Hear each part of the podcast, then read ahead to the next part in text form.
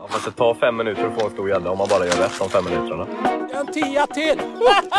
oj, oj, oj. Det här var en, t- det här var en 13 kilos i alla fall. 14 kanske. Vilken jävla fiska! Den är ju för fan fem meter lång. Det är det största jag någonsin har sett. Bra teamwork där Gunnarsson du! Jag fick inte upp jag bara passade. Jag fick ju böja hela huvudet när jag tog den här.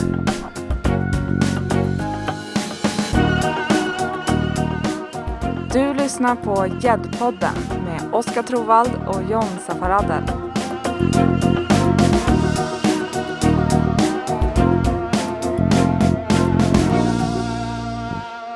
Söndagens löp på Tidaholms Gresablad chockade hela Mälardalen inklusive alla 08 Ett flertal chockerande nyheter slog ner som en klusterbomb bland talonskogarna österut. Spinnfiske blir förbjudet på Vänern från och med 2022 och alla Sveriges gäddtävlingar läggs på Mälaren.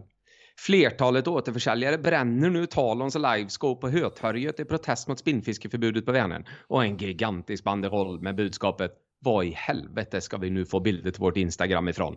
Har rullats ut.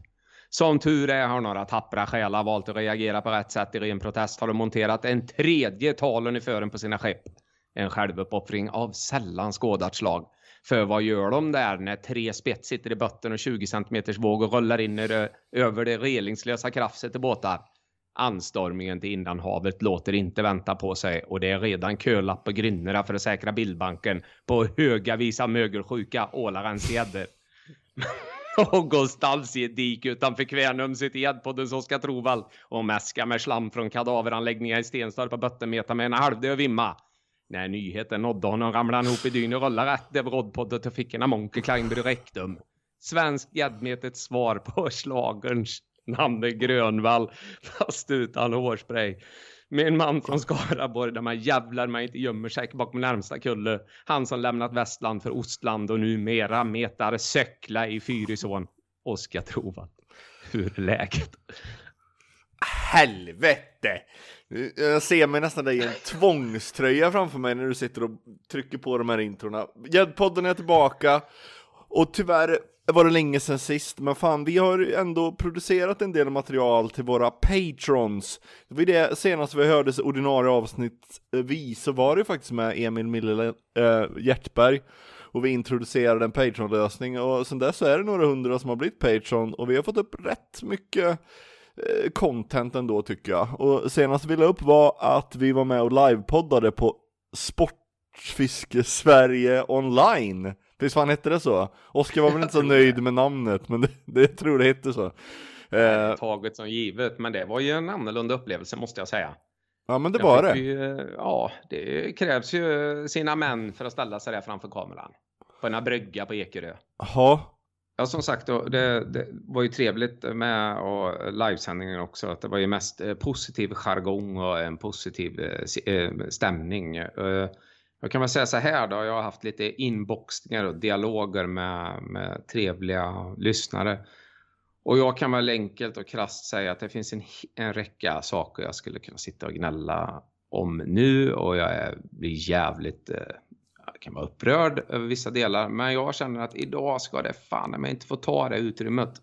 Så vi, vi passar gnället idag och sparar vi det till ett gnälligare eh, tillfälle. Så går vi vidare, eller vad säger du Oskar? Vi har ju en jävla massa spännande att avhandla här.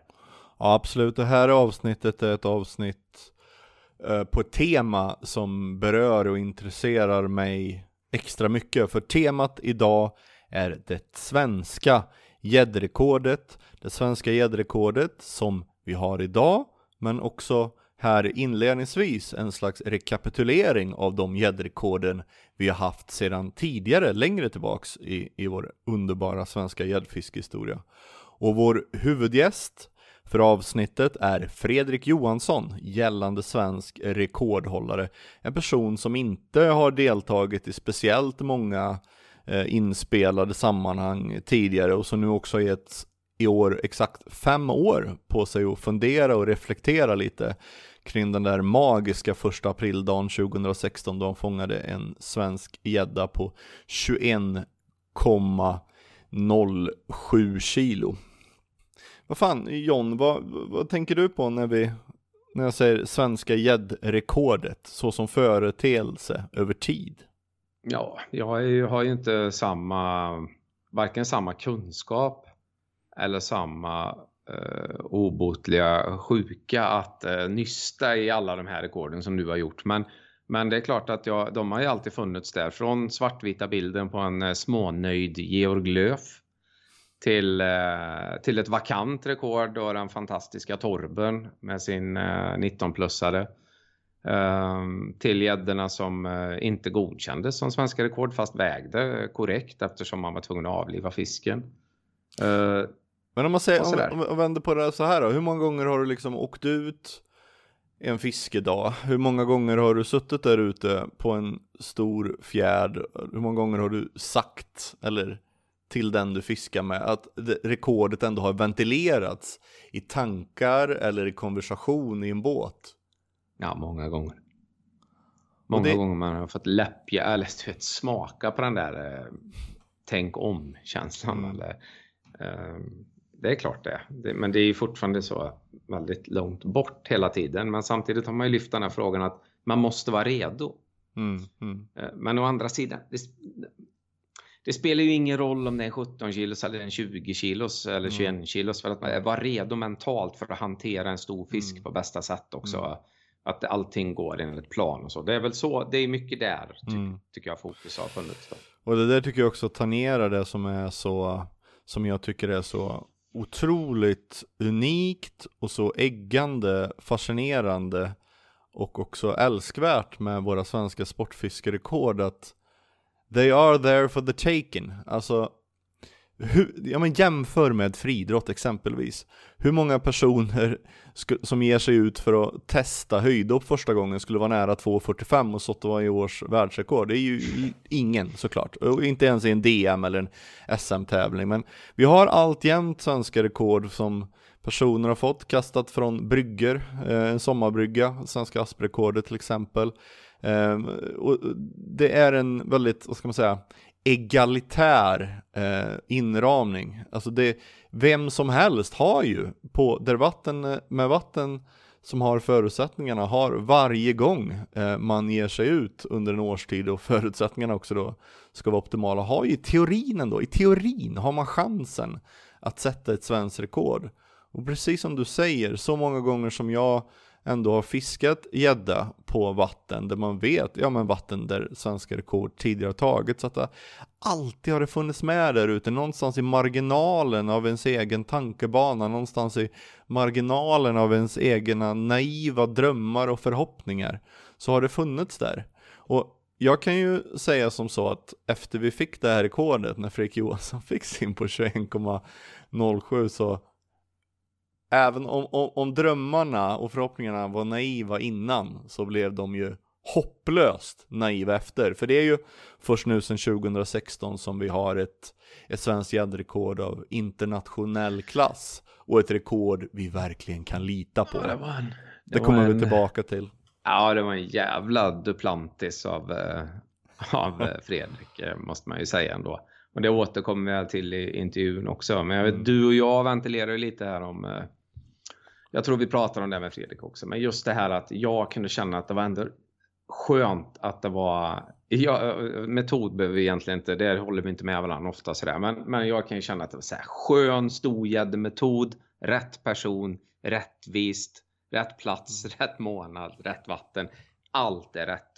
Och, och, och det, det kan ju te sig tämligen elitistiskt och sätta sig i den positionen att tycka att ja, du vet, att allt var rätt. Vi tar oss den rätten ändå och får känna och uttrycka den, eh, den åsikten du och jag, eller hur? Ja, absolut. Men, eh, men och också, eh, för att lägga till ytterligare någonting till den argumentationen, så för mig är det också det här att det, det svenska rekordet är ju också någonting som sätter gränsen för drömmarna och, och gränsen för vetskapen om hur stor en svensk gädda de facto kan bli. Och i den mån så är ju också rekordet fruktansvärt spännande och ehm, men intressant rent ur, också ur någon slags vetenskaplig synpunkt. Och, och ehm, med det sagt att Fredrik Johansson är en, en högst dedikerad och skicklig gäddfiskare som fick rekordet. Det, det gladde ju mig väldigt mycket också. Men samtidigt så ser jag ändå en jäkla charm i att även om nu nästa rekord eh, skulle slås se ut på ett helt annat sätt. Att det skulle vara en, en bonusfisk i lokala regnbågssjön av en, en 15-åring som kanske i övrigt också till och med skulle sätta tillbaks fisken och vara överlyckliga. Jag menar, en sån grej skulle och fisken skulle väga 21 och 7 liksom. För mig handlar det om det är storleken, det, det är det som betyder allt. Kommer vi någonsin att fånga en större gädda i Sverige så betyder det allt eh, för mig. Alltså det, det, det spelar ingen roll vem, hur, när och varför. Jag ser ju dock en, eh, jag ska inte säga att det är en rädsla, för vi har ett sånt härligt, bra, värdigt rekord att vila på. Men det kan mycket väl vara så att eh, vi avslutar våra dagar, du och jag, eh, och blir pensionärer utan att det här rekordet har slagits. För på, på den nivån är det. Och det är ju inget, inget att sörja heller, men eh, nog kunde man i alla fall eh, 1990 när Ludde Å kanske var som allra, allra bäst nästan förutsätta att en svensk gädda de facto kunde bli 25 kilo. Och det finns ju bevittnade eh, syner av personer som har fångat gäddor på 17 och 18 som har sett eh, gäddor som har precis släppt sin rom som är så stora, som var så stora där nere att det knappt går att sätta in i den referensvärld man hade.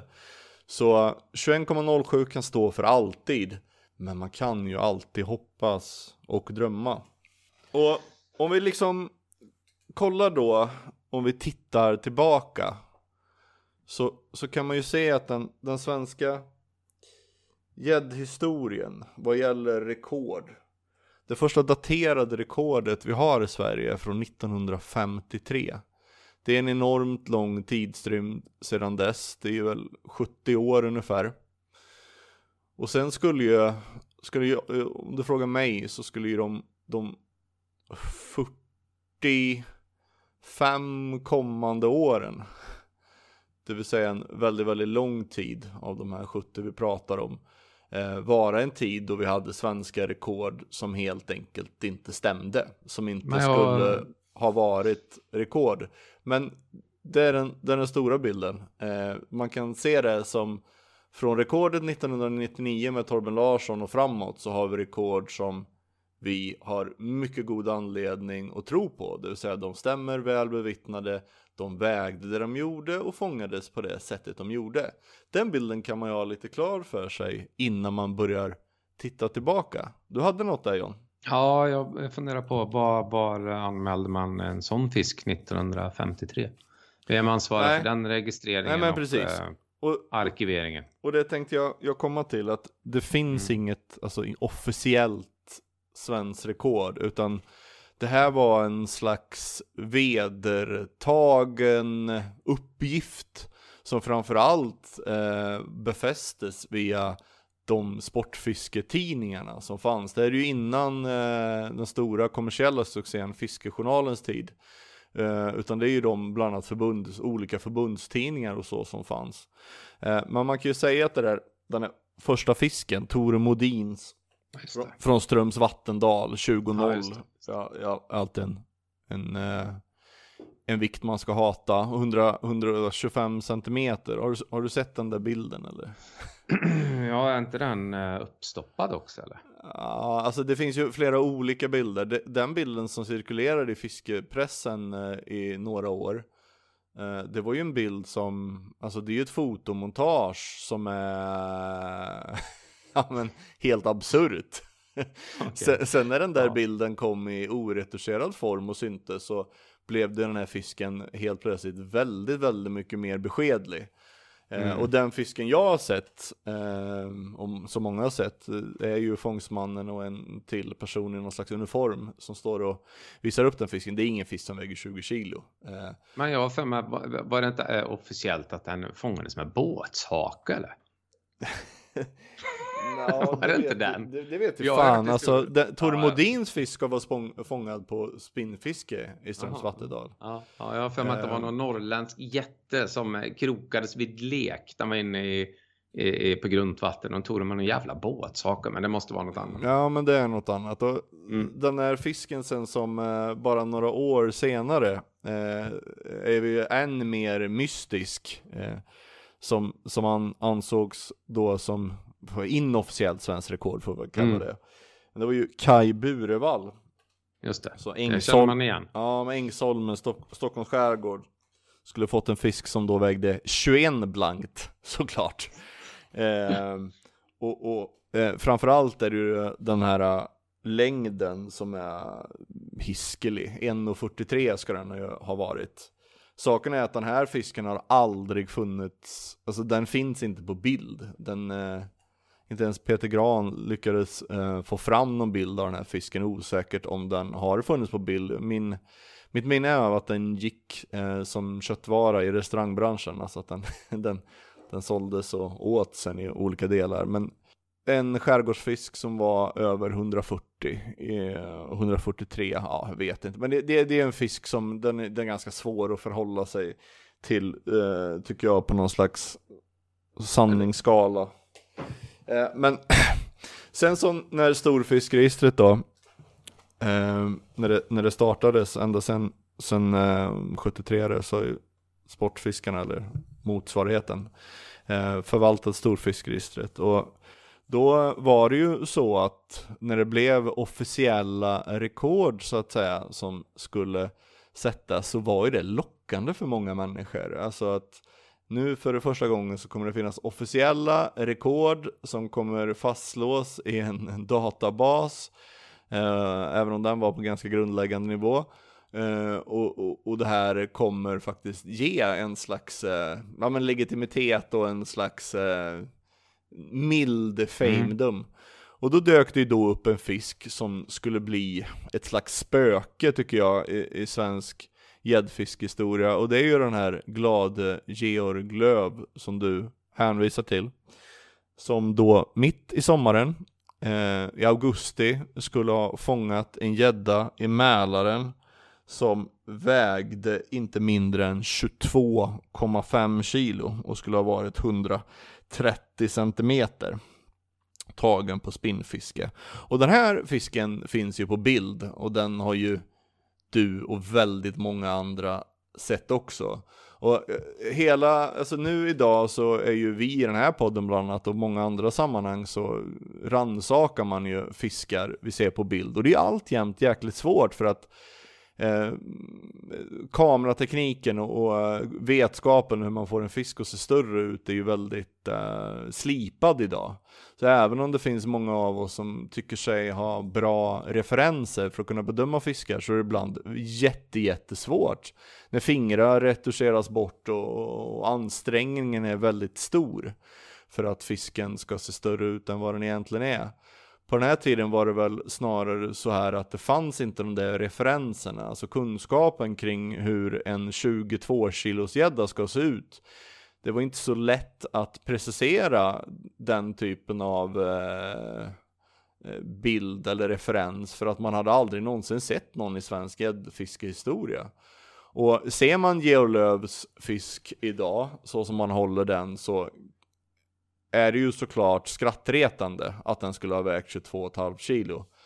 Ehm, och vi kommer tillbaka till det lite, vad den kanske skulle kunna ha, ha vägt. Men den där fisken bet ju, bet ju sig fast och skulle vara gällande svensk rekord från 73 då fram till 1986 och sen igen från 1991 fram till 1999.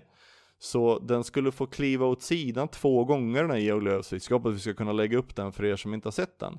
Men den fick kliva åt sidan av två helt olika anledningar.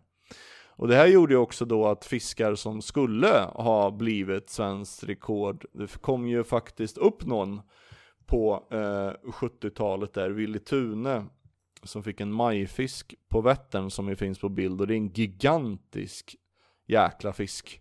Eh, 20,5 ska de väl ha vägt, jag har inte den siffrorna framför mig. Vi ska nog kunna lägga upp den bilden också, men den, den fisken tycker jag skulle ha, ha den borde ju ha varit det, det, det gällande svenska rekordet. Eh, Men, men eh, så var det inte, utan det var då den här Georg Lööfs fisk. Eh, och jag har aldrig kunnat hitta något slags belägg för eh, att den under 70-talet eller under tidiga 80-talet att det fanns någon eh, uttryckt skepticism eller att den ifrågasattes sådär. Det kanske den gjorde mellan raderna bland inbitna gäddfiskare, men inte officiellt.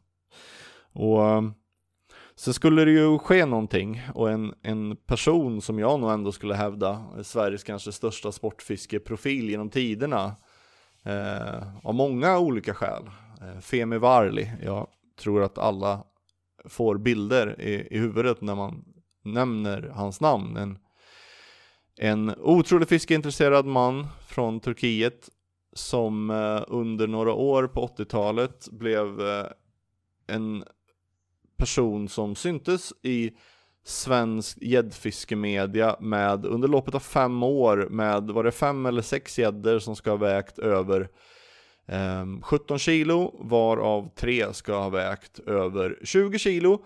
Och i toppen den här fisken då som ju, den här episka bilden med, som ska ha vägt 26,57 kilo. Som han fångade i juni 1986.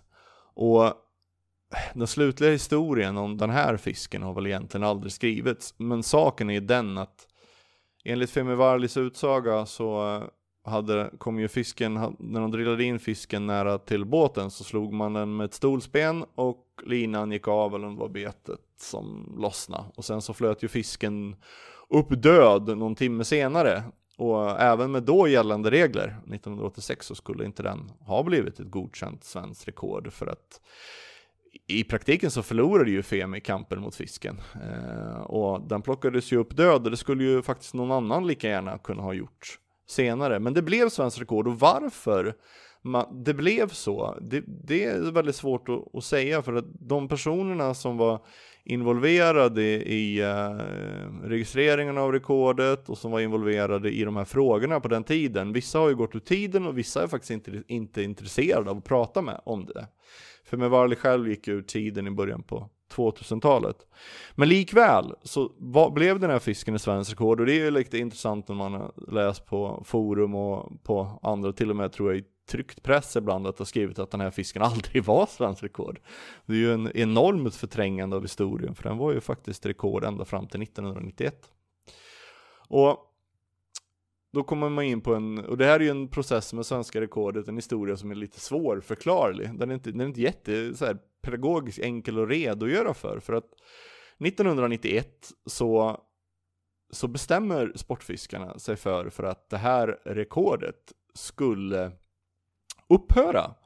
Och Exakt varför? Ja, det anfördes just för att fisken var ju död och plockades upp. Men vad som drev fram det här, att det blev just så 1991, att den ströks. Den historien finns det nog personer som skulle kunna berätta, men som inte är intresserade idag om att prata, prata om det. Men eh, likväl så var det ju ett, ett misstag. Eh, skulle jag, båda de här fiskarna, att de blev svenska. Sen hur Femervali fångade den här fisken och vad fisken de facto vägde, för det är en enorm fisk. Det, jag menar, det, det, det är en fisk av framförallt en kondition som är fantastisk. Sen registrerades den ju som 119 centimeter. och en fisk på 119 centimeter som skulle väga 26, det kan jag, det kan jag ta gift på att den aldrig skulle göra. Men du, vänta lite nu. Vad fan eh, var det 119? Var det, var det, reggades den om till 136 sen då eller? Nej, sen hade man ingen eh, officiell längd utan personer då som ville tro på den här fisken eh, och som, eh, alltså vågen i sig eh, kontrollerade ju Lasse Söderberg i efterhand, han var dock inte alls med vid invägningen. Eh, utan då, gick, eh, då var fisken uppäten när, när Söderberg skulle möjligen se den här eh, fisken i sin fulla längd. Utan då antog man bara att ah, vägde den 26,57, ja men då måste den ju då måste den ju varit upp mot 140 för att det ska vara, det ska vara rimligt. Men så det, den där historien är fortfarande eh, mm. dolt i en del ja, dunkelt ljus och sådär. Men eh, alltså Femi Vali var ju en rockstar. Det, det, är ju ganska enkelt att, att, konstatera. Men historien om honom, eh, den slutliga, har ännu inte skrivits. Men då hade man ju då också eh, chansen här då, eh, när, när Femivalis fisk strök så hade man ju då kunnat utlysa en vakans kanske och att första nya fisk över 19 eller över 20 skulle bli rekord. Men då gick man tillbaka till Georg Lööfs fisk på 22,5. Eh, och den skulle då eh, leva vidare som rekord. Det fanns vissa som förespråkade att en otroligt välbevittnad eh, fisk, i alla fall, alltså den vägde vad den vägde var ju eh, Åke Johansson från 1989 som vägde 21,45 att den skulle bli nytt rekord. Men då gick man istället tillbaka till den näst största i registret och det var ju Georg. Men sen så var ju Peter Gran, det här har vi väl varit inne på tidigare, men Sveriges absolut största sportfiskejournalist genom alla tider, tycker jag. Framförallt då, men när vi pratar gädda. Han, han var ju skeptisk till den här fisken och skrev ju en, en episk artikel i tidningen Sportfiske i slutet på 90-talet där han verkligen gick i kamp med Georg Lööfs rekord, där han ifrågasatte fångstvattnet, Mälaren. Det fanns ju knappt någon reggad gädda därifrån ens. Hur skulle en fisk kunna bli 22,5 årstiden? Augusti. Hur skulle en gädda kunna väga 22,5 i augusti? Eh, fotot ifrågasattes med den konstiga vinkeln, han står upp eh, och bilden är tagen snett nerifrån ifrågasattes. Men också en del andra saker ifrågasättes ehm, och den saken som fick en allra mest konkret ifrågasättning, det var ju att det fanns ett bevittnat, eh, det fanns ett angivet vittne till invägningen av Georg Lööfs 22,5. Och den, det vittnet eh, bodde ju kvar på den här Mälarön och han var ju yrkesfiskare vid namn Helge Karlsson. Och Peter Gran, som sagt, han hade en journalistisk, en grävande ambition. Eh, så han fick ju tag i det här vittnet. Ett episkt samtal och en episk intervju, eh, även om jag aldrig, den har aldrig publicerats i sin helhet. Men eh, visst mindes Helge Karlsson, du ska säga att han var en yrkesfiskare på Mälaren, han hade sett hundra, ja, han har sett tiotusentals gäddor tidigare. Och visst, han hade sett den där gäddan, men eh, ja, han hade inte varit med vid vägningen, men han hade sett den. Och han sa att han var väldigt överraskad när han hade sett den i efterhand att den skulle väga 22,5 för han sa väl att den kan inte väga mer än 8-9 kilo. Och det är ju en hisnande tanke att en fisk vägde eh, officiellt då enligt storfiskregistret 22,5 men egentligen kan ha vägt 8-9 eh, kilo och eh, men jag tror att det mycket väl kan ha varit så.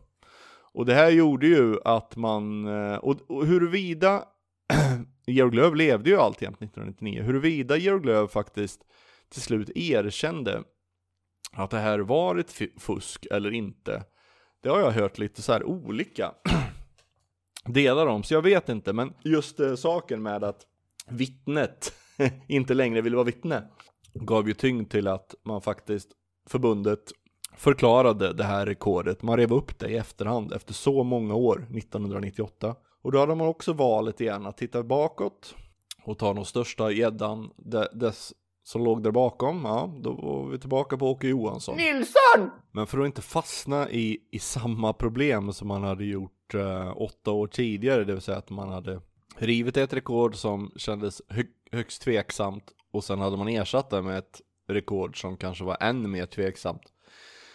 Så vakansförklarade man rekordet och man strök alla gäddor som någonsin hade registrerats över 19 kilo. Någon finns kvar ändå.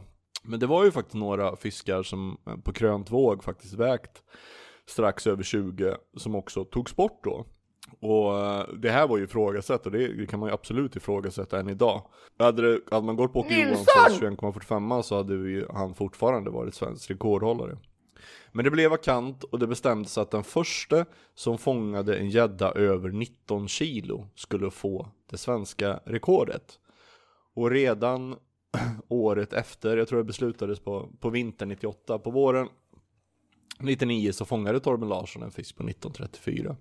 Och den fisken skulle hålla sig i 17 långa år. Till Fredrik Johansson satte sig i sin båt med sin kompis Jimmy den 1 april 2016. Ja, det är en jävla harang det där Trovald. om olika rekord. Men det är bra att du friskar upp minnet lite. Jag hade själv tappat bort det där in och ut eh, med diverse fiskare. Jag kan känna att det fan var tragiskt att han kom tillbaka 22,5. När han var petad en gång och sen skulle han in igen. Det känns som att det...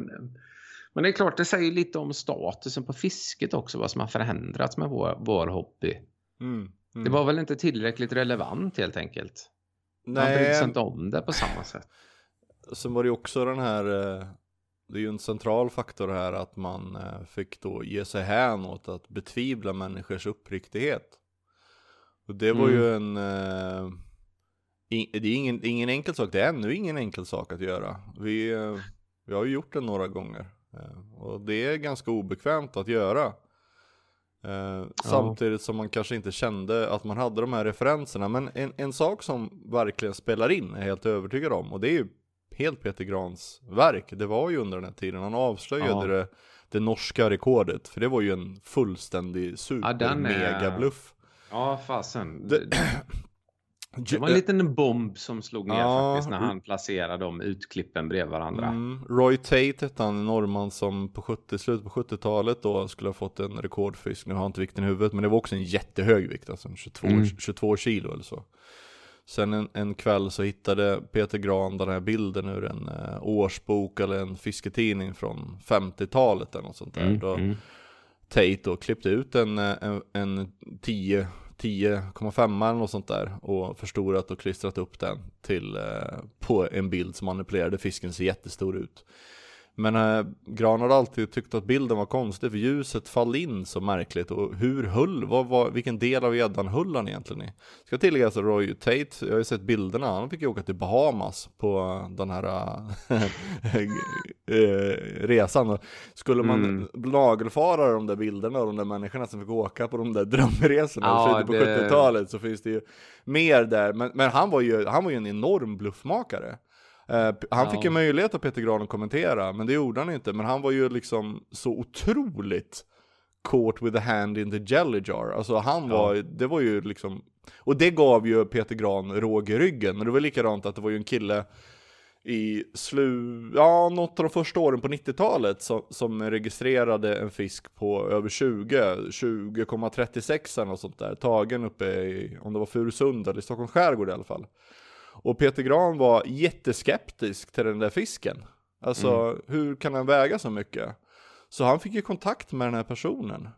Och personen säger, ja, jag har fisken kvar i min frys. Och på något sätt då ändå eh, accepterat att Peter Gran fick komma och se och väga fisken. Och där i fryst tillstånd, det var en jättefin gädda, jag tror den vägde låga 17 eller något sånt där. Men det var, ju lik, det var ju likväl en bluff, den hade aldrig, jag, vet, jag tror inte att längden stämde, och den hade ju inte vägt 2036 eller Ja, men då är ju han som har fångat. Det måste ju ändå inte... Det kan ju inte varit medvetet ändå. För att Det- då det har jag inte ingen- låtit Peter Gran komma upp och väga den jäveln. Nej, men, men den typen av, eh, jag menar tänk alla personer som eh, DNA-testar sig exempelvis eh, och går med på det fast man vet att man är tokskyldig, att man kommer att åka dit på det. Men man, eh, man, ja. Man, ja det var ett sidospår kanske. Men, Nej, men det är ett bra sidospår. Hade vi haft en podd som bara rörde fiske nu så har jag några riktigt tunga stories vad gäller eh, drömresor etc. etc. ja. Men eh, ja, men, det men, får vi men, skjuta åt sidan. Men, men, men det här jag gav ju, ja. Pet, Pet, Peter Grans eh, avslöjande, det gav ju eh, den seriösa synen på stora gäddor en ökad status. Alltså att resonera kring vikter eh, och kontra längd och, och, och oegentligheter och så. Det gavs en, det blev rumsrent och rationellt att göra så. Alltså man kan nog ändå säga att det här med storgäddefiske och rekord, det var ju lite, och kollar man på 80-talet, 70-talet, det är lite av en ding-ding-värld. Och det är ju det som jag har sagt här, alltså jag tycker ju att de senaste 10-15 åren med de här nya kamerorna och überfrontade gäddorna, alltså jag tycker ju tyvärr att vi är tillbaka där lite i ding-ding-värld. Jag tyckte att slutet på, på 90-talet, början på 2000-talet, liksom att det var fina värdiga bilder av seriösa sportfiskare, bra dokumenterat och, och, och sådär. Även om fisken var ihjälslagen i vissa fall så var det ändå bra dokumentation och, och bra bilder nu befinner vi oss lite i ding ding värld. Eh, om, om, om det var på 80 och 70-talet var materiella ting som guldrullar och guldresor som, som lockade så är det väl andra incitament som lockar nu. Men, men, men drivkraften att, eh, att, att folk tror att man har fångat större gäddor än vad man egentligen har gjort, den har ju alltid funnits eh, så länge vi har dokumenterat svenskt storgäddefiske. Jag tycker det, det som, mm, om vi ändå är inne här och pratar rekord och fusk överlag. Jag tycker att det är ett skäligt ämne att ventilera. Jag, jag tycker väl att det, det, finns olika typer av det också. Eh, det finns ju vissa som fuskar för att, för att dra ekonomisk vinning av det, helt klart. Man skaffar sig en position, eh, man skaffar sig status, man vill kanske ha sponsring eller skaffa sig ett jobb eller sådär inom, inom sportfisket. Det är en del. Sen har vi den här klassiska. De här som fuskar för att få mer utrymme eller synas. Och de har ju alltid funnits. Mm. Det ekonomiska fuskeriet kunde ju bara yttra sig i drömresan förr i tiden. Och någon jävla och guld. guldrulle. Ja, ja. och någon guldrulle. Men inte, inte på det sättet som ni gör nu. Inte sponsring av båtar, motorer, ekolod och de här delarna. Och det för ju med sig en, en våg av den här skiten. Eh, men jag tycker ändå den intressantaste fuskaren är den här som smyger i periferin och och, och fuska för att man ska sätta sig, eh, mm. att man skaffar sig lite stjärnglans sådär. Och den har ju existerat sedan jag tävlade i, det blev väldigt, väldigt tydligt för mig när jag tävlade i den här svenska specimentävlingen. Att fan, det finns ett gäng där ute, det spelar ingen roll om det är fiske, det kunde ju varit något annat. Att de, att de fuskar. Och det är jävligt tråkigt men det är lite spännande då sådär. Det, det, ja, jag, har, jag tycker att det, det skapar inte, inte ett intresse så av den personen. Jag är inte psykolog på det sättet. Mm. Men att, ja, de figurerar där ute. De finns inom alla genrer. Ett avsnitt helt ägnat åt fusk tror jag kan vara både uppskattat och, och, och vara på plats. Men, och jag tror att, men det är en grej som jag, där vi befinner oss idag nu och med, med svenska gäddrekordet. Jag gillar ju det också på grund av att vi skulle aldrig någonsin idag släppa igenom ett nytt svenskt gäddrekord som Nej. var fusk som inte stämde. Så jag tycker vi Ja, vi är på förbundet idag, nu är party såklart, men eh, sen har det väl funnits något fall där någon stor fisk har blivit kritiserad och kommit igenom, men det kan nog ske. Men ett rekord, ett svenskt rekord, skulle aldrig kunna ske eh, så, som, så som de här fallen vi pratar om. Eh, sen alla andra fiskar som cirkulerar på sociala medier, de är vad de är. När de här tokfrontade fiskarna dyker upp, jag tittar faktiskt inte på dem längre för att jag tycker, tycker inte det är intressant. Um, nu har vi ju kommit in lite i den, eh, den gnälliga världen igen, men... Eh, Nej, men nu är det ingen gnäll. Det är, jag tycker det är väldigt roligt att prata om det. Jag känner, inget, eh, känner ingen ondska nu. Mm. Men nu jävlar, nu är det ändå dags. Nu ska vi snacka Fredrik Johansson, ett otroligt fint, vackert, värdigt rekord som stämmer. Ja, nu rullar vi ut röda mattan för Frippe. Jerkbait.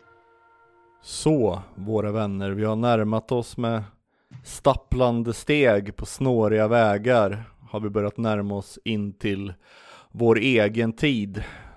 När Torben Larsson slog det svenska rekordet den 7 april 1999 med 1934 kilo så var det ju många som såg det som ett tillfälle att önska ett stort grattis, men han slog ett vakant rekord. Den första fisken över 19 kilo skulle ha blivit ett svenskt rekord och Torben var först under det första året som rekordet var vakant. De flesta trodde med goda skäl att det rekordet får du hålla i ett eller två år.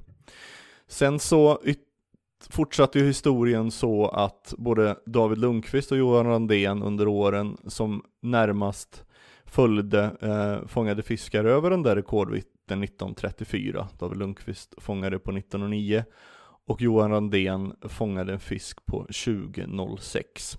Dock så var det regler nere i Löddeå och det var regler i storfiskregistreringen som gjorde vid den tiden att en återutsatt fisk inte kunde räknas som ett rekord för det skulle vägas på en krönt våg. Eh, så rekordet fick stå sig ytterligare några år. Och, eh, fem år blev sex år, åtta år blev nio år, blev tio år, blev elva år, blev femton år och blev 16 år. Och när vi gick in på det 17 året av väntan så skrev jag en artikel i Svensk Fiske.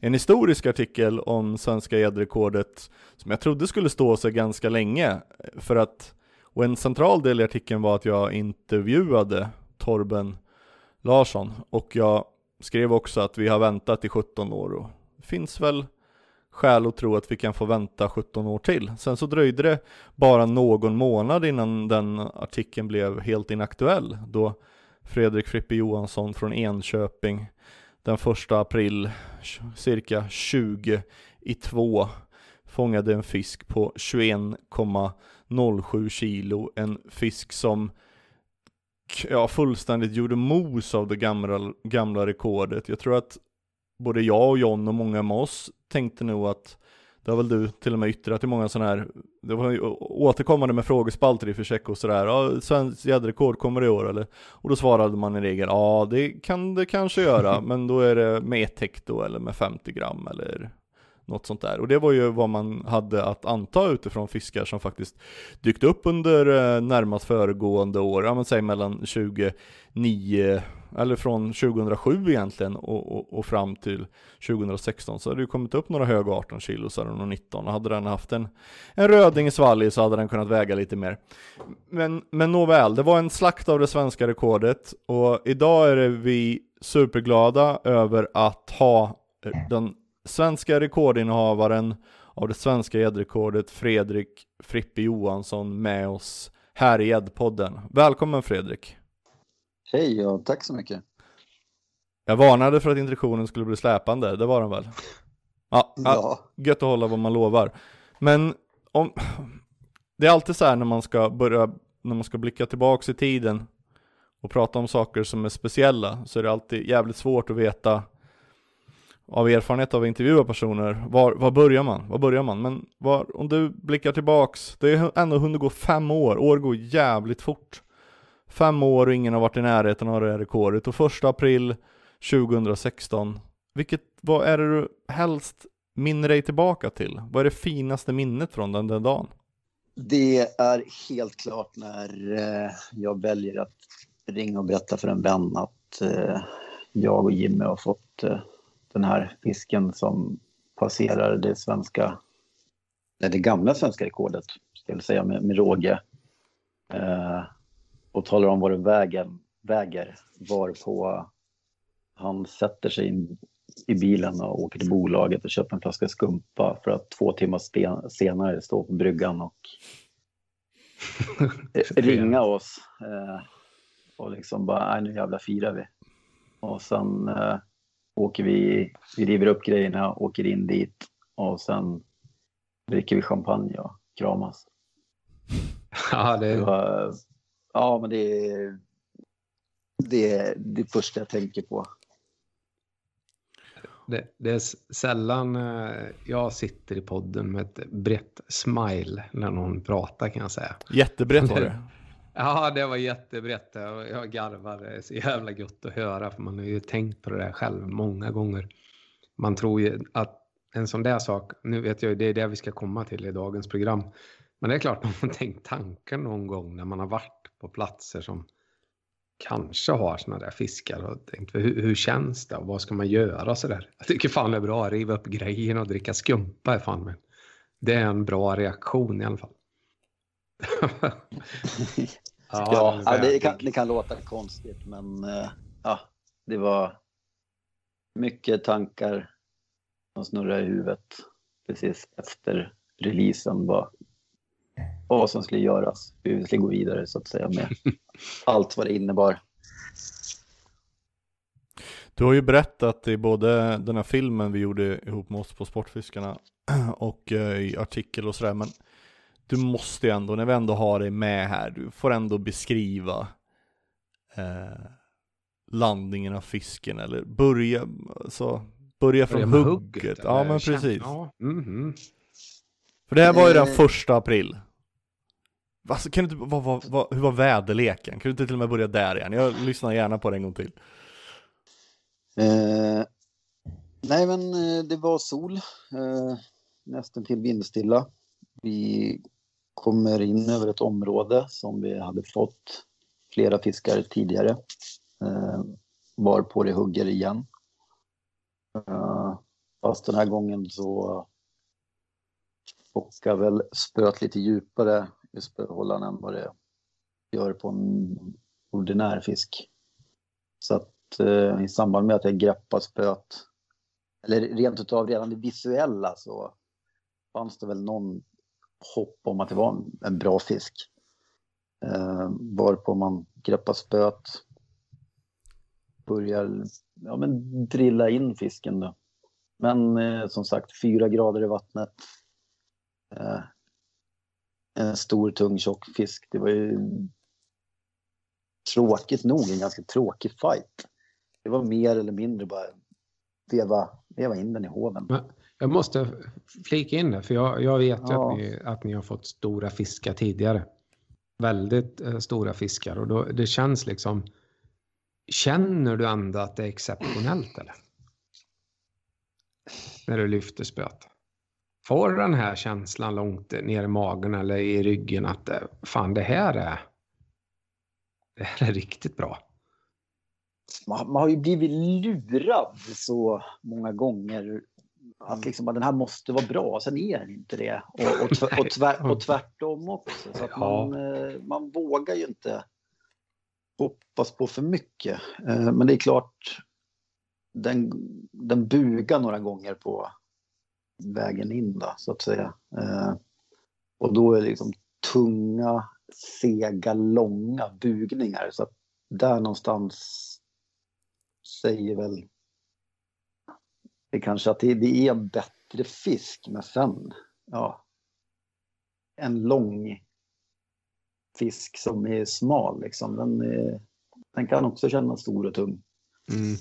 Eh, och sen får man en, en 100 centimeter som nästan kan passera 10 kilo strecket. Den känns ju kanske liten. Så Ja. det där är, det jag tycker det är jättesvårt att avgöra. Ja, det är svårt eh, med bårfisket. Jag håller med dig. Nu har jag aldrig varit i närheten av det där, men, men jag är beredd att hålla med dig. Man har lurats många gånger faktiskt. Men jag tänker, för mig som sysslar med det där fisket själv. Eh, ni, vi, vi har inte nämnt det, men ni, ni trollingfiskar ju med, med artificiella beten, alltså wobbler. Eh, är det mittenspöet, är det närmsta spöet, är det yttersta spöet liksom? Eh, den här fisken valde att hugga på ett mellanspö. Ja. Mi- Och när, eh, när, men när, när ser du fisken för första gången? Ser du någonting av fisken innan Jimmy hovar den? Nej. Eh, för det jag gör är jag i, i, i, istället för att kliva bak i akten och försöka drilla så ja, jag brukar gå upp i fören istället så man har lite, lite längre lina och kan verkligen pressa in fisken i hoven. Mm.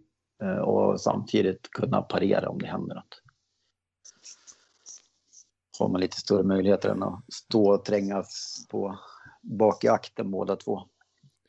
Och, men Jimmy, alltså när ger Jimmy en signal? Alltså, hur yttrar det sig? När börjar du förstå att ni har någonting i hoven som är av en annan värld? Nej, men han säger att den, den är bara riktigt bra. Eh, och ja, men som sagt, hela den här händelsen är ju liksom- det är diffust i huvudet. Det vart ju... Man kan tycka att man kan tänka hur klart som helst, men det är, det är lite dimmigt hela vägen.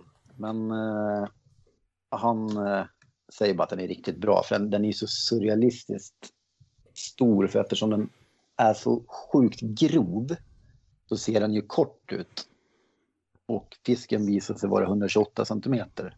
Mm. Eh, så att det... Nej, alltså den... den ja, men de som har haft turen sett den på mässorna och sådär. Eh, replikan då. Mm. Kanske kan få en hum om hur, hur sinnessjukt grov fisken var. Och det får jag, Eh. kan inte jag bara få sticka in där? För jag har gjort det massa, flera hundratals gånger eftersom den här fisken hänger på vårt huvudkontor i Bromma. Och när jag ser den där på väggen, ja men det är en sak. Men jag glömmer aldrig när eh, Bo Westman som gjorde den där, eh, av den, gjorde den där replikan. Han, det var Sportfiskemässan 2017 och han kom med den på en vagn och så låg det ett täcke över. Han rullade in den långsamt och varsamt in i vår monter. Och jag och Jocke Eriksson var det, som tidigare varit med i podden här, vi, vi stod bredvid och tittade bara på liksom siluetten som, alltså, det, den formen som buktade upp ur, ur duken. Och sen när Bosse då väldigt, väldigt försiktigt svepte den här duken av fisken och vi stod, fisken låg i vår knähöjd ungefär som man skulle ha stått på knä vid en matta liksom i en båt och när han drog av den där det kan låta som en efterkonstruktion och det kan låta tuntigt när jag säger det för den, den vad fan är den gjord av? Den är gjord av trä, det är en, det är en replika men det var som man, man, man darrade till i knäna för det, det, det, har den liggande framför sig sådär, det, det, det, det, är så, det är så vansinnigt, abnormt, absurd stor fisk. Man kan, inte ens när den hänger på väggen liksom eh, en meter ovanför ditt ögonsikte så fattar man hur stor den är, men där liksom framför knäna Ja, jag är helt sanslös och jag kan inte ens, ändå trots att jag sett det så kan jag inte ens föreställa mig hur det är att där på plats se den framför sig och veta att man själv har faktiskt har vevat upp den där ur djupet. Ja, nej, det är surrealistiskt. Det... Men, men när ni har den i hoven Fredrik, ja. du tittar på den i hoven, eh, ni, fortsätt därifrån. Om du, och sen är det ju så här med att starka påslag av adrenalin, det påverkar ju människors närminne. Det är nog ganska väl bevittnat, så att vi, vi, vi har förståelse för att det är, det är dimmiga minnen. ja, precis. Eh, nej, men när eh, fisken är hovad så, och Jimmy står och bara säger att den här är, den här är riktigt bra så eh, som jag har sagt tidigare så då vi river eller jag river alla spön direkt. Och sen har vi jättenära in till en, en läkant. Så att vi väljer att åka, åka dit. Eh, och då är ju fisken fortfarande kvar i hoven. Eh, så att, eh, det är väl först när vi har plockat fram ja, en matta, eh, våg, vågsäck, måttband. Vi har allting redo Eh, och för att jag hade ju krokat av fisken mycket tidigare men tänkte väl inte mer så mycket på det utan det var mer att får, göra får jag det. Frå ja. Får jag fråga Fredrik hur, hur salten satt där? Var det eh, cigarren eller var det inhalerad? Ja, den var... Ja, men den satt väl ungefär mitt i... Eh, ja, men typ i käkvinkeln fast på tvären. Mm. Eh, så ja. den, den satt absolut inte i någon järlbågar eller någonting utan den satt Nej. en krok i underkäken. Uh, och, men det, det, är väl, ja då klart jag såg att den var stor, men det var mer det här att få upp allting, fokusera på det och sen fram med grejer. Så att det, det är först när jag tar tag i fisken och lyfter upp den och lägger den på mattan plattan i båten. Eh, som det liksom då börjar ju tankarna på riktigt. Eh, hur, hur, stor är den här egentligen? Vad, vad, är, vad, eh, vad kan den tänkas väga? För vi hade ju en 15 och 7 i, i ganska färskt minne från året tidigare. Och den här var ju den här var större. Den var, den var längre, den var högre, den var grövre. Eh, men ändå försöka sätta en vikt i det. Vi, vi stod och pratade om 17-18 kilo i båten. Mm. Eh, det, kändes, det kändes realistiskt. Ja. Men sen första vägningen. Liksom den, den, den väger över 21 kilo. Alltså vad är, vad är det för fel på vågen? Vad är, vad, den kan inte väga det. Det, det fanns inte i tankarna överhuvudtaget, eller tron att den kunde vara så stor. Eh, så att det var då vi valde att ringa Emil. Eh, som vi visste var, fanns en bit bort. Så han fick komma med ytterligare en våg. Och även hjälpa till och kolla att vi inte gjorde bort oss på något sätt. Och plus att vi fick ett vittne till också. Ja, det är bra. Vi, vi, vi fick ju samma vikt. Ja. Och det ska Så sägas att det att det var- krävs eh, två vittnen till vägningen för att det ska bli ett officiellt svenskt rekord. Men då, då, då talade ni ändå, alltså när, när vikten bekräftades till över 21, då måste ni Mm. yppat orden svenskt rekord fler än en gång ändå i båten. Ja, men då vart det, det vart en jobbig känsla. För att, för att eh, då bara... Ja, men man, man har ju ändå ja, men läst mycket genom alla år. Man har läst fisketidningar eller så här, så mycket rekord som inte gills på grund av det ena och det andra. Och hur många är förberedda på ett svenskt rekord oavsett fiskeart? Det kan ju inte vara, det kan ju inte vara många att man har alla grejer eh, med. Så, sen har du otur så blir det inte godkänt. Eh, om du missar på en detalj och sen jäntan då som är vår populäraste sportfisk. Eh, det, det får inte bli fel. Eh, när, när en sån fisk sen släpps ut som nyhet.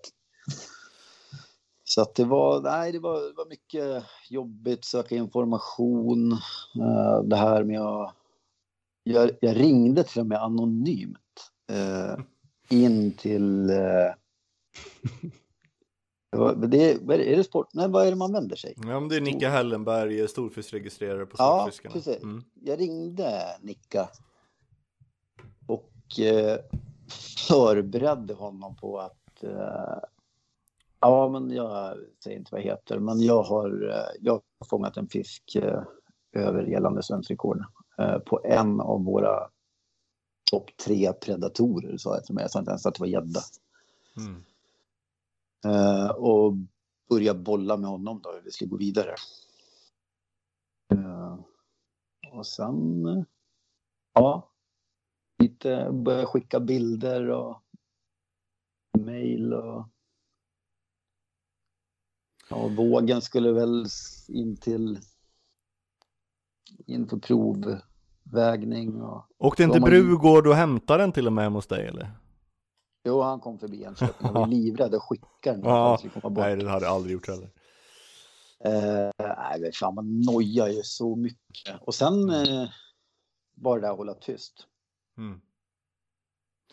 Alltså det är så jobbigt att behöva gå och bära på en sån grej också innan, eftersom vi valde att göra som vi, vi gjorde, att ha allting vattentätt innan eh, det släpptes. Men det är fruktansvärt glad över i, Mm. i efterhand att det liksom inte fanns några som helst tvivel på något sätt. Och det, det får jag ju säga som givetvis part i det här, för jag var ju i högsta grad involverad i hela den här processen. Men det var ju ett väldigt värdigt, eh, värdigt eh, förfarande, en, en exceptionellt och föredömsgill eh, hantering av saken av dig får jag ju säga. Dels att vi, du kom till Sportfiskarna först. Och det var en hög grad av diskretion och vi höll det jävligt tajt också. Jag hörde ju också det här först. Eh, det var, jag tror vi var tre eller fyra stycken på förbundet som kände till det här. Och eh, Mm. jag fick ju höra grejen först om att det var en av våra tre stora predatorer och liksom spottade jag väl ut snusen i käften som jag inte hade och tänkte, ja, väl en gösjävel och brydde mig väl inte mer om det. för, det för det kändes väl som att det var det rimliga liksom. Sett Ja. hur det är, det var väl bara något år eh, efter att Leffe Ivarsson fått svenska rekordet eller om det var, var ja.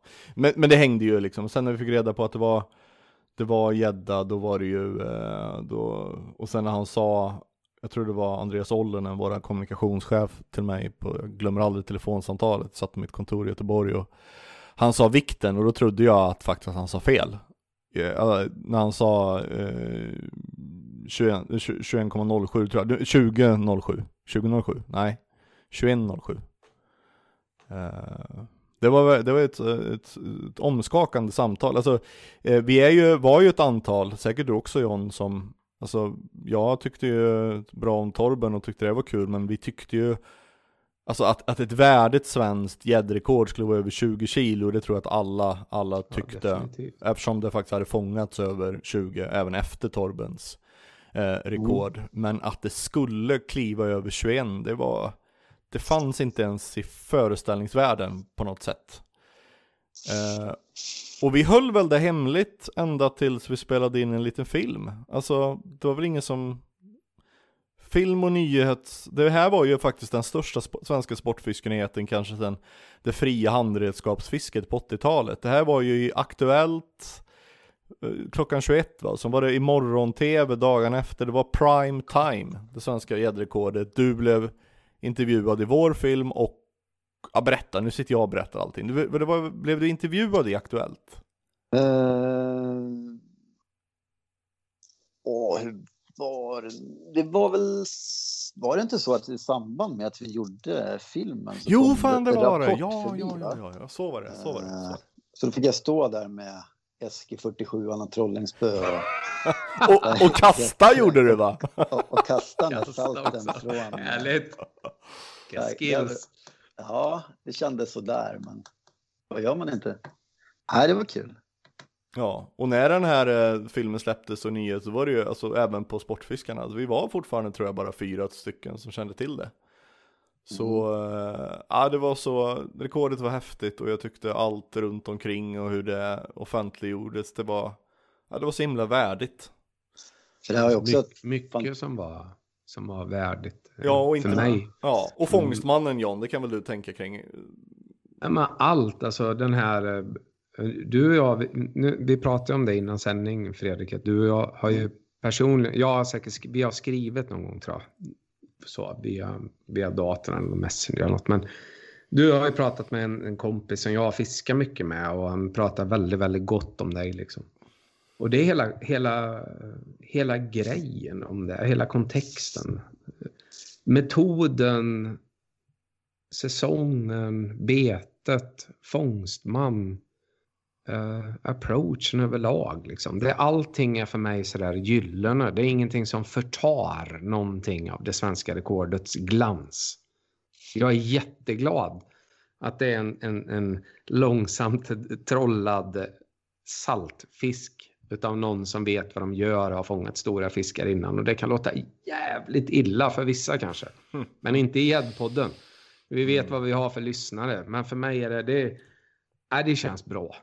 Det känns riktigt skönt faktiskt. Att det inte var någon sån där som kom på ett backhandkast efter ett sexpack. Mm.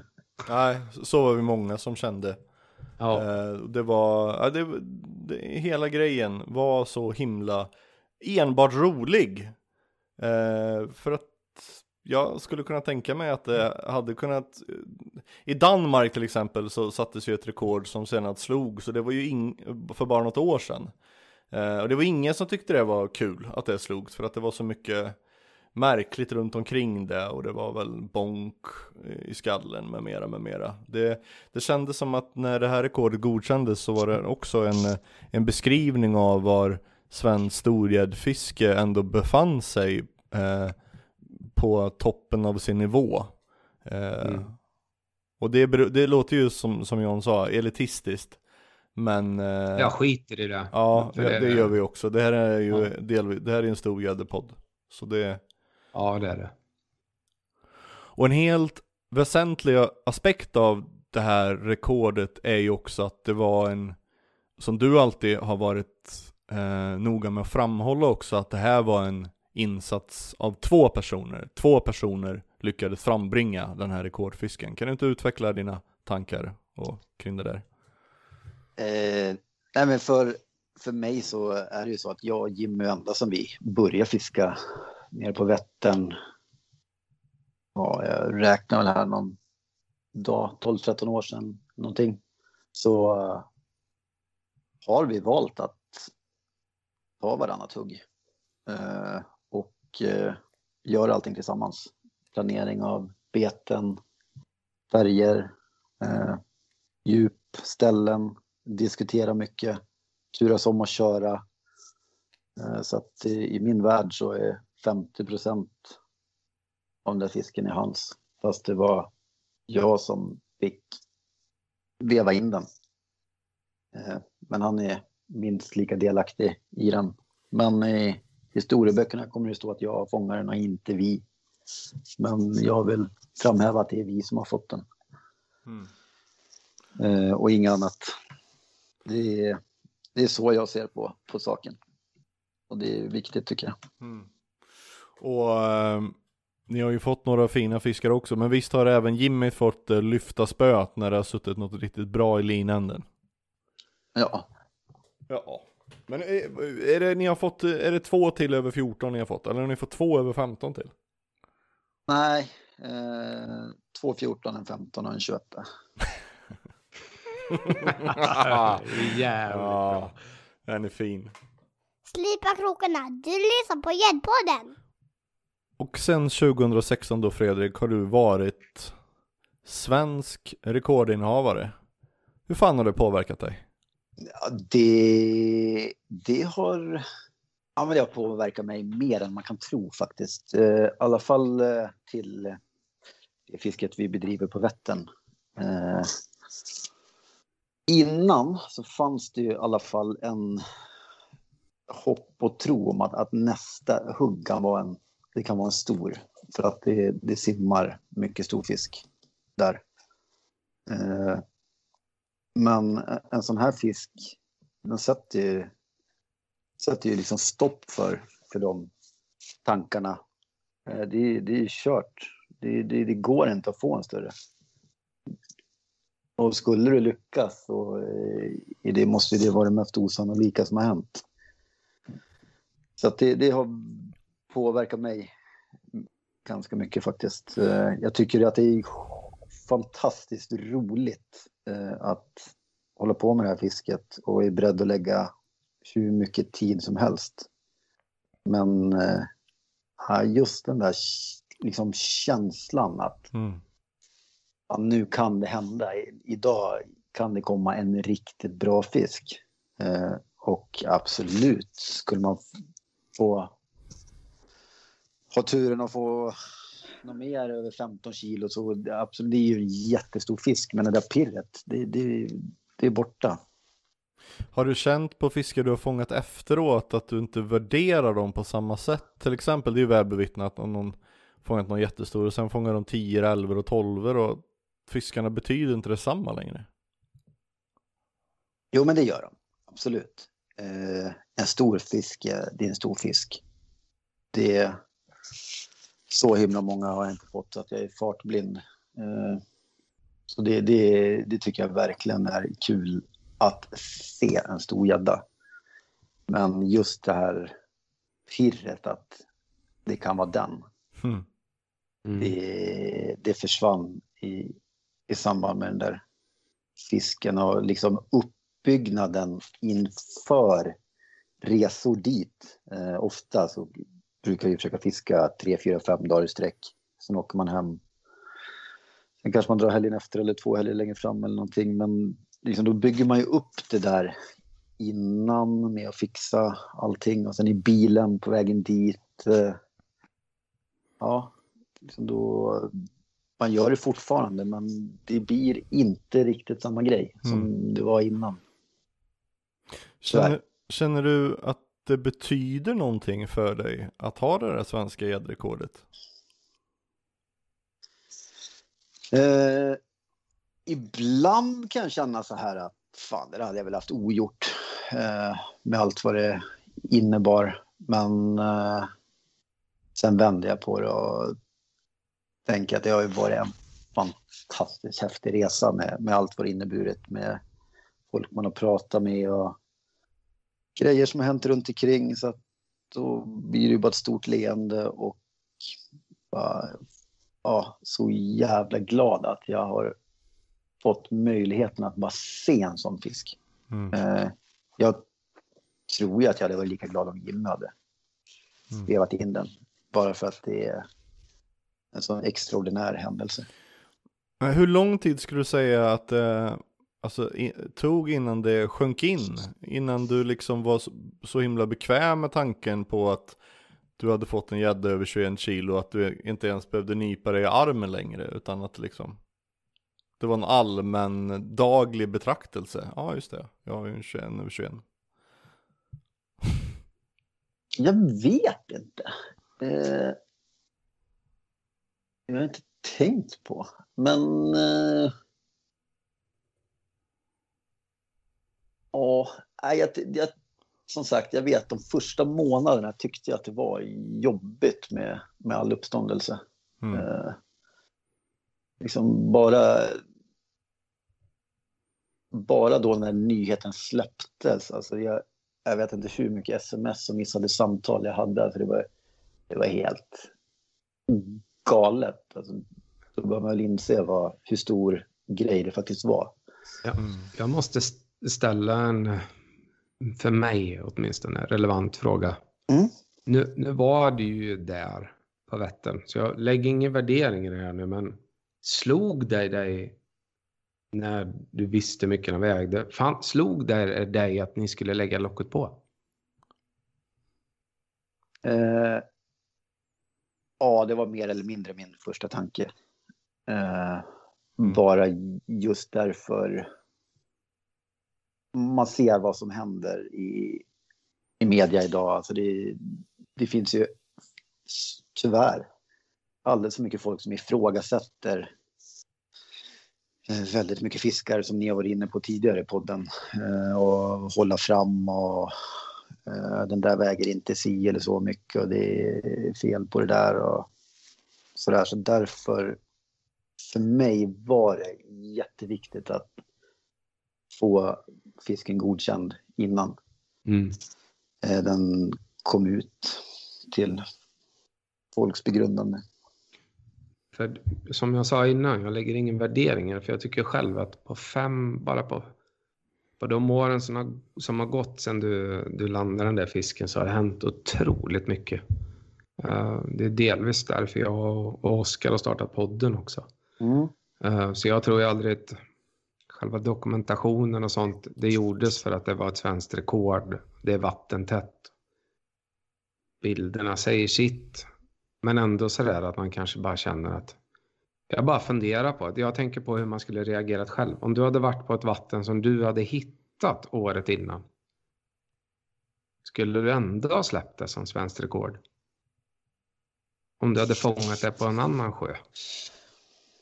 Eh, det hade jag säkert kunnat gjort beroende på vad, vad regelverket eh, säger. Eh, vad man måste uppge för sjö. Ja, ja just det. Men det, vet- det vet ju du Oskar. Mm.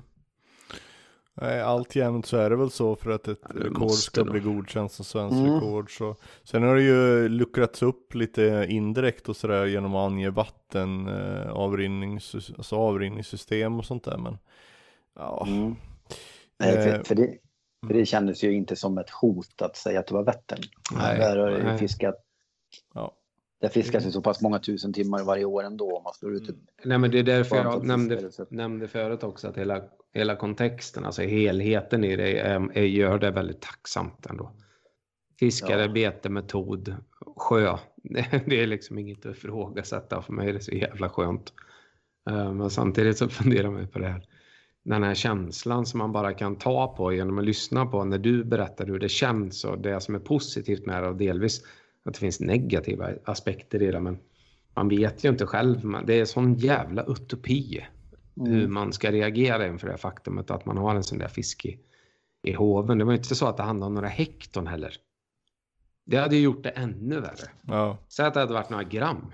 Mm. Säg att det hade handlat om 20 gram och 40 gram och 60 gram. Det var inte ens det. Liksom. Nej, då hade man blivit, säkert blivit ifrågasatt kanske. Eh, då bara de, eh, de sa att den vägde 40 gram över och sen that's it. Jag skulle kalla det det perfekta rekordet. Bör man sticka ut och säga det? Jag tror det. Ja, det får stå för dig. Mm. Mm. Och det konstiga, jättekonstiga i efterhand också sett till det jag sa att jag skrev en artikel på början på året. Hade inte Fredrik Johansson fått den här fisken så hade vi ju ändå fått ett nytt svenskt sportfiskerekord samma år när Maripo fick ju sin på 20 några månader senare. Så att Mm. det var ju ett väldigt speciellt år och även kan jag känna att hade Kalle fått den där en otroligt dedikerad, skicklig fiskare som också har gjort mycket för att värna det vattnet han fiskade men jag tycker ju också att Kalle gjorde helt rätt som registrerade, alltså en 20 kilos den, den har ett sånt otroligt historiskt värde att den, den är värd att finnas i, i, i svenska storfiskregistret. Så det var ett speciellt år för, och det var ju även Mark Westrin fick ju den första 18 kilosen i Ludde på Ja, just det. 15 år, 1876 va. Och det var ju också en väldigt duktig driven fiskare som fick en, en praktfisk som man knappt trodde eh, simmade, simmade runt där nere länge. Så 2016 totalt sett var ju ett år som det betydde så väldigt mycket för mig och många andra och för svensk gäddfiske i stort att det föddes sådana drömmar och möjligheter på arenor man kanske trodde ljuset var släckt och på arenor som man kanske inte ja, tänkt på skulle kunna leverera den typen av fiskar. Så det var ett, det var ett otroligt år. Eh, om man, om, man, om man ska vidga det utöver uh, Frippe. Men Va, alltså, vad var topp fem det året? Ja, vad som kom efter de där tre, ja det vet jag fan. Det, det har jag inte på, på stående fot. Uh, faktiskt.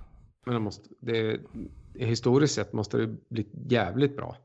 Ja, den där, alltså pratar vi eh, trio så Snitt, är alltså. det ju, ja, men Ja. triosnittet är ju, det är ju det, är det, bästa, det bästa någonsin. Jag vet inte, 97 Mm. var vi ju också uppe där, men Dick Persson 19,9 och Johan Randén 19,5 så kommer jag inte riktigt ihåg vilken trean var det året, men det var ju också ett fantastiskt bra. Nej, så, så, så det var ett stort år, men det, det låter ändå som Fredrik, du summerar och sådär som att det är ändå inte om du tittar tillbaka att du skulle vilja gjort saker annorlunda eller? Uh, jo, men det, alltså, nej, in, in, inte med, det enda jag ångrar, eh, som jag verkligen ångrar, det är ju att eh, kanske varit betydligt noggrannare med att tagit bra bilder och även filmat fisken. Ja, just det. Den finns inte filmad. Den finns inte filmad. Nej, precis. Eh, Nej. och det ångrar jag. Mm.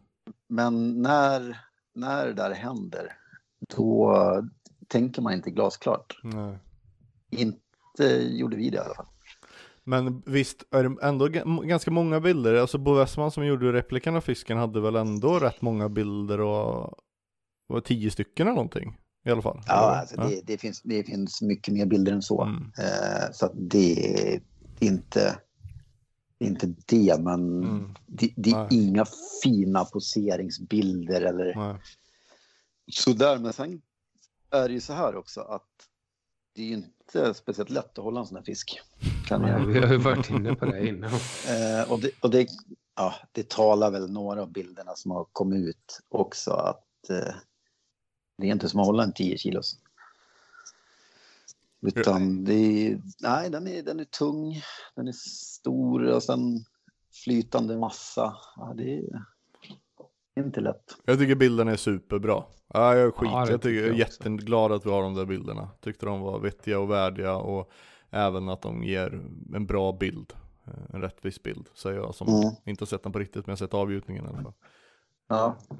Ja, Det- jag nej, men måste... så, det är det jag kan ångra annars så eh, nej, känns allting jättebra. För att jag har, jag har valt att inte begära en enda krona för någonting någonstans utan bara ställt upp med mig själv och fisken och sådär för de som har velat. Och Ja, det är... så hela vägen liksom bara för att vara neutral, inte verka girig på något sätt. Mm. Alltså det där, man hade väl kunnat sålt den där historien det är klart Ja, det hade kunnat. verkligen. säkert innan sport, istället för att sportfiskarna skulle sälja den. Mm. Men det kändes inte som att det var jag. Ja, det vill vi ju, kan vi ju verkligen intyga. Och replikan av fisken, den, den pröjsade väl vi. Men vi, eh, ja, den har ju vi Den- på huvudkontoret så att säga. Ja, Eh, så in, inte ens den krävde du ju. Så att det den kan ju komma och Kanske- beskådas av alla medlemmar som vill. Tunga gäddor åt folket! Du lyssnar på Gäddpodden! Du, men, men en annan fråga Fredrik, nu, om vi tittar framåt då. Har du, vågar du, eller, men vad tror du själv? Hur länge tror du att ditt rekord kommer stå sig? Och säg inte att du inte vågar gissa eller tror, du kan väl komma med en uppskattning där, vad tror du? Nej, men alltså för, för svensk gäddfiske så skulle det vara jättekul om det slås inom fem år.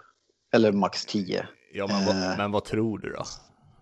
Vad jag, vad jag tror? Jag tror att John kommer få en 21 och halva eh, Inte den jäveln, det tror jag inte på. Nej, 2028. jag är fan glad om jag får en fem och en halva. Eh, nej, eh, Men tror du att du kommer vara fira pensionär som rekordhållare? 65 år? Fortfarande svensk jag, rekord? jag tror inte det. Jag hoppas verkligen inte det. Vet du vad det värsta är, Fredrik, ändå? Nej. Att om det är någon jävel där ute som kommer slå din fisk så kommer det vara en sån där som Oskar som sitter i en jävla fåtölj med en eh, makrill på botten. Och sen sitter och funderar på om hans eh, bly är tillräckligt tungt i ett avlägset litet vatten någonstans. Ja, och om det är det. ett kammobly eller inte liksom. Det, det Ja, är exakt. viktigt. Se fisken blyet. Nej, Och, och den Det dagen. finns en viss, eh, viss realism i all ironi här för att det, vi, vi har, du, du ser ju själv Fredrik hur det ser ut liksom. Det är ju jävligt många som fiskar och det är skitkul att alla älskar gäddfisket men sen finns det avarter i det som gör att risken att det här att rekordet ska slås och så, det minskar ju givetvis för um, med tiden. Men um, det är en sån där, det är en sån, en Oscar som kommer slå rekordet i så fall. Jag tror det. Det är inte en John. Nej, men det måste väl finnas fortfarande väldigt mycket oupptäckta vatten och, och det är ingen som orkar leta. Nej men du, jag, jag, jag, jag, tycker, Ja. jag tycker i alla fall så här att om du är pensionär och rekordet står sig, då tycker jag staten ska gå in med en extra pension till dig. Jag Det tycker jag, det tycker jag fan du har förtjänat. Slipa krokarna, du lyssnar på Gäddpodden. Ja, om vi ska sy ihop påsen så, vi var väl inne och snuddade vid det i intervjun med Fredrik, men och jag har väl redan nämnt det inledningsvis att det här rekordet, det håller ju en, Fredriks rekord håller en väldigt hög klass, även vid internationell jämförelse. Och det kan mycket väl stå sig i 20, 30, 40, 50 år. Vad tror du John? Ja, jo, det, det, det får man nog ställa sig inför det faktumet att det kan göra. Det, det tror jag säkert. Eh, vi, vi nuddade ju vid det i intervjun. Alltså det, med tanke på hur det ser ut där ute och det eskalerande antalet gäddfiskar och så. Fisketryck, eh, man adderar ett och ett blir tre. Nej, det kan stå sig ett bra tag. Men samtidigt måste vi ändå leva med den här eh, vissheten att jo, givetvis kan det väl simma någon sån fisk där ute. Ja, för jag menar, det är mellan 1989 och 19, 89 och eh, 2016 är det, är det 27 år va? Eller? Skitsamma. Skitsamma. Det var ju senast vi fick en fisk som vägde över 21. Att vi kan få uppleva något mer 20 kilos, det fick vi ju faktiskt, som vi nämnde, redan uppleva Mm, mm, mm. samma sommar. Så det, det kan nog, men alltså det är, jag menar där har vi haft rätt många fiskar under de här åren. Alltså, vi talar, svenska bekräft, 20 kilos fiskar som jag tror på, det är inte många. Men eh, vi, säger, vi säger att det är en, cirka 10 stycken. Så, så, så de flesta ligger ju precis där strax över 20. Precis strax, några gram, några hekto. Mm. Något hekto över 20. Oftast är det ju, de jag kommer att tänka på på rak arm, så är det ju mellan alltså, 0 och 10 gram över 20 kilo. Så att något skulle liksom sträcka sig upp där över 21, det är ju, det vill så otroligt mycket till. Och jag menar den här artikeln, eh, det- i det här avsnittet, vi har pratat om det svenska gäddrekordet och jag tycker vi ändå avslutningsvis kan ju också slå fast att det, det svenska gäddrekordet är ju inte vilket sportfiskerekord som helst. Det är ju det största. Det är ju det som flest vill slå, som flest relaterar till, som flest tänker på. Eh, det som omsätter mest alltså medialt och ekonomiskt Ja, ja. värde. Det, det, är ju, det är ju ett enormt rekord. Så jag menar, jämför man med gös, ja, det är ju en fullständigt utklassning. Abborrekordet är ju ända sedan 1985. Så det är ju, det, det, det, kommer, det tror jag ju kommer slås. Det har ju till och med varit nära. Och jag menar så som ut, fisket där i Kal- Kalmarsund och Ja, men det storfisken vet blir så. Ja, men, Ja men Dej- aj, ja. Dejan hade ju en över tre ju. Jo, det är det jag säger. Så Det är, jag ju menar- en helt, det är ja. makalös fisk han får där. Men, men sen Ja. ska det 150 gram till. Jo men Fisketryck, visst aj, fan är det större chans att det kommer en abborre än en gädda över rekordvikt. Vet vad då? Spa, spara den diskussionen. Nu är jag jävligt, klockan är ju, det är, natt, det är natt nu och jag är trött. Man sparar den diskussionen. Vi, vi får se. Jag måste, gös däremot, det behöver vi inte ens eh, ta in. Ja, men jag säger så här då. Nytt abborrekord inom 10 år, nytt gäddrekord inom 50. De ramarna ger jag. Ja. Eh, skjut från höften och jag har ju verkligen haft fel tidigare. Ni där ute, vill ni höra mer om Fredrik jo- från Fredrik Johansson, vårt samtal med honom och göra och följa med i vårt andra extra material vi tar fram. Bli Patreon till Gäddpodden. Du kan bli det genom att ladda ner Podbean-appen, finns där poddar finns. Och du kan också bli Patreon direkt via vår Instagram. Det finns en länk i bion där. Yep. Ha det bra där ute så hörs vi snart igen. See you.